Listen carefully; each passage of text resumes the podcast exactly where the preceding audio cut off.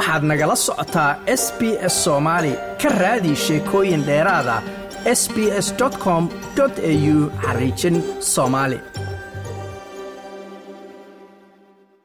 kadib banaanbaxyo xoogan oo maalmihii la soo dhaafay ka dhacay magaalada laascaanood ee xarunta gobolka sool halkaasoo ciidamada somalilan lagu eedeeyey dilal dad shacab ah ayaa waxaa arrintaasi si kulol uga hadlay. Madaxda iyo siyaasiyiinta ka soo jeeda gobollada sool sanaag iyo cayn ee ku jira labada gole ee baarlamaanka federaalk soomaaliya iyo dowlad goboleedka puntland iyagoona war-saxaafadeedyo ka soo saaray arrintaasi magaalada garoowe ee xarunta puntland waxaa kulan ku yeeshay waxgaradka iyo madax ka tirsan xukuumadda puntland oo uu ku jiro madaxweyne ku-xigeenka maamulkaasi axmed cilmi karaash waxaanay kulankoodii kaga hadleen xiisada ka taagan magaalada laascaanood iyagoona golaha wadatashiga qaran iyo dowladda federaalk ee soomaaliya ku eedeeyey in ay ka gaabiyeen oo ay ka aamuseen. Wasiirka warfaafinta maamulka puntland ayaa warbaahinta u akhriyey war-saxaafadeed ka soo baxay kulankooda kulan isxog waraysi ah oo ay isugu yimaadeen. Mas'uuliyiinta ka soo jeeda gobollada s c ee puntland waxaa ka soo baxay qodobadan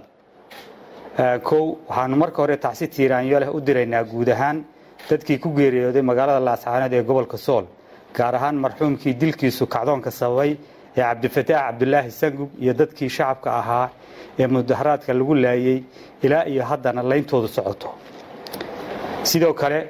waxaanu bogaadinaynaa dhallinyarada gobolka ee garatay kana dhiidhiday xasuuqa ba'an ee lagu hayo bulshadooda islamarkaana garowsaday inaysan u shaqayn kana sii tirsanaan nidaamka somalilan. Annaga oo ugu baaqayna inta ku hadhayna in ay ka gilgishaan dhiigga shacabkooda ee sida ku talagalka ah loo daadinayo. Haddii aanu nahay mas'uuliyiinta ka soo jeeda goboladaas waxaanu bulshada u caddaynaynaa inaannu naf iyo maalba u hurayno sidii looga kor qaadi lahaa nidaamka caadaystay gumaadka shacabkeenna sidoo kale war-saxaafadeedka ayaa lagu sheegay in si buuxda ay u taageerayaan kacdoonka ka socda gobolka sool islamarkaana wax laga xumaado ay tahay in dowladda federaalk iyo madaxda shirka wadatashiga qaran ku yeeshay magaalada muqdisho ay iska indhitireen xaaladda ka taagan halkaasi. Waxaanu si buuxda u soo dhowaynaynaa una garab taagannahay kacdoonka bulsho weynta gobolka sool gaar ahaan degmada laascaanood ay kaga soo horjeedaan dilalka caburinta iyo doonista xoog ku haysashada. Waxaanu ugu baaqaynaa deegaanada kale ee sool sanaag iyo cayn inay ka qayb qaataan kacdoonkaas. Sidoo kale waa in laga hortago wax kasta oo muujinaya jiritaanka iyo ka mid ahaanshaha sheegashada maamulkooda sida diiwaangelinta iyo wixii la mid a waxaanu ugu baaqaynaa beesha caalamka iyo ururada gobolka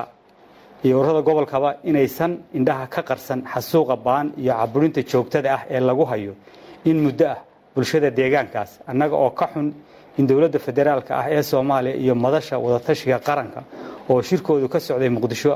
ay iska indhatireen guud ahaan xaaladda deegaanadaas oo iyagu ah kuwa mar kasta u taagan midnimada iyo wadajirka ummadda soomaaliyeed taas oo kaliftay dhibta joogtada ah ee lagu hayo dhankoodii xildhibaanada labada aqal ee baarlamaanka federaalk soomaaliya ee ka soo jeeda goboladaasi sool sanaag iyo cayn oo iyaguna shir ku yeeshay magaalada muqdisho ayaa waxay si kulal u cambaareeyeen dilalka ka dhacay halkaasi waxaanay ka soo saareen war-saxaafadeed uu warbaahinta u akhriyey xildhibaan cabdirasaaq cabdi. Waxaa la ogyahay in maamulka la baxay somalilan ee snam gudaha magaalada laascaanood ku dilay tan iyo labada kun iyo toddobadii dad ka badan boqol iyo konton qof oo isugu jira haween culimo waxgarad oo ah haldoorkii bulshada. Oo ugu dambeeyey dilkii dhacay kaas oo toban qof lagu dilay in ka badanna lagu dhaawacay. Kuwaas oo ahaa carruur iyo haween. Dareenkooda ku muujinaya bannaanbax nabadeed oo aan hubaysnayn kana bannaanbaxayay dilkii bareerka ahaa ee ganacsada cabdifataax cabdilaahi cabdi loo geystay. Sidoo kale gaboodfalka iyo xasuuqa ka socda gobollada sol sanaag iyo cayn waxaa markhaati madoonto u ah weerarrada hubaysan ee ay ku qaadeen deegaanada s c. Sida kalshaale tukaraq saaxdheer taleex awrboogays xudun iyo meelo kaloo badan. Ujeeddooyinka maamulka la baxay somalilan waa inay cabsi geliyaan barakiciyaan dadka asalka u ah deegaanada sol sanaag iyo cayn ayna ku khasbayaan inay ka go'aan soomaaliya oo ah arrin aysan marnaba bulshada deegaanadaas oggolaan doonin qaar ka mid a xildhibaanada kulanka ka qaybgalay ayaa dhankoodii war-saxaafadeedka kadib warbaahinta la hadlay. Inkastoo warmartiyeedku ku qoran yahay waxaan hoosta ka xariiqayaa in madaxweynihii u sarreeyay dalka federaalka iyo maamul goboleedadii intay xala shireen ay kala reebeen gobollada qaar ay ka dhaceen dagaal oo ay ka tacsiyeeyeen wartimirkeedkan ku saxiixeen. Iyadoo gobolladii qaar dhiigga qubanayo ay caddahay oy socoto ay ka tageen. Dadka soomaaliyeed dhiigoodu waa isku macaan waa in isku si looga wada tacsiyeeyaa waxaan ummadda sool iyo sanaag iyo cayn ku nool u sheegaynaa inay dhowdahay maalintii ay ka xoroobi lahaayeen dilkan. Inay dhowdahay maalintii ay laascaanood ahaan lahayd meel nabada oo aan dil qorshaysanay habeen walba ka jirin. Waxaan u sheegaynaa in gobollada sool iyo sanaag iyo cayn ay noqon doonaan meel ay noqoto in lagu damaashaado oo dadkiisu ay nabadgelyo u joogaan. Waxaan u sheegaynaa in ay noqon doonaan gobol soomaaliyeed oo aan mar dambe loona iman doonin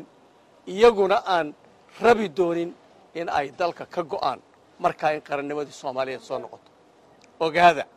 wixii aad soddon sannadood ku noolaydeen maanta dib ugu noolaan maysaan. Inaad ku noolaataanna ma waxaan kaloo soo dhowaynayaa amaan hambalyo u dirayaa dadkan maanta gartay inay xilkii u hayeen dhiibeen damiirkooduna soo noqday gartayna inay ahaayeen wax iyaga lagu gumaadi jiray. Marka haddaanu nahay xildhibaanada labada aqal arrinta aad iyo aad baan uga xunnahay waanu ka tacsiyaynaynaa waxaan kaloo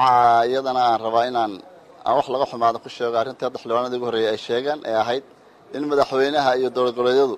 ay ka aamuseen arrinta ka socota gobolka sool. Arrinta ka dhacda baydhabana lagu soo qaato arrintaana aad iyo aad ayaan uga xunnahay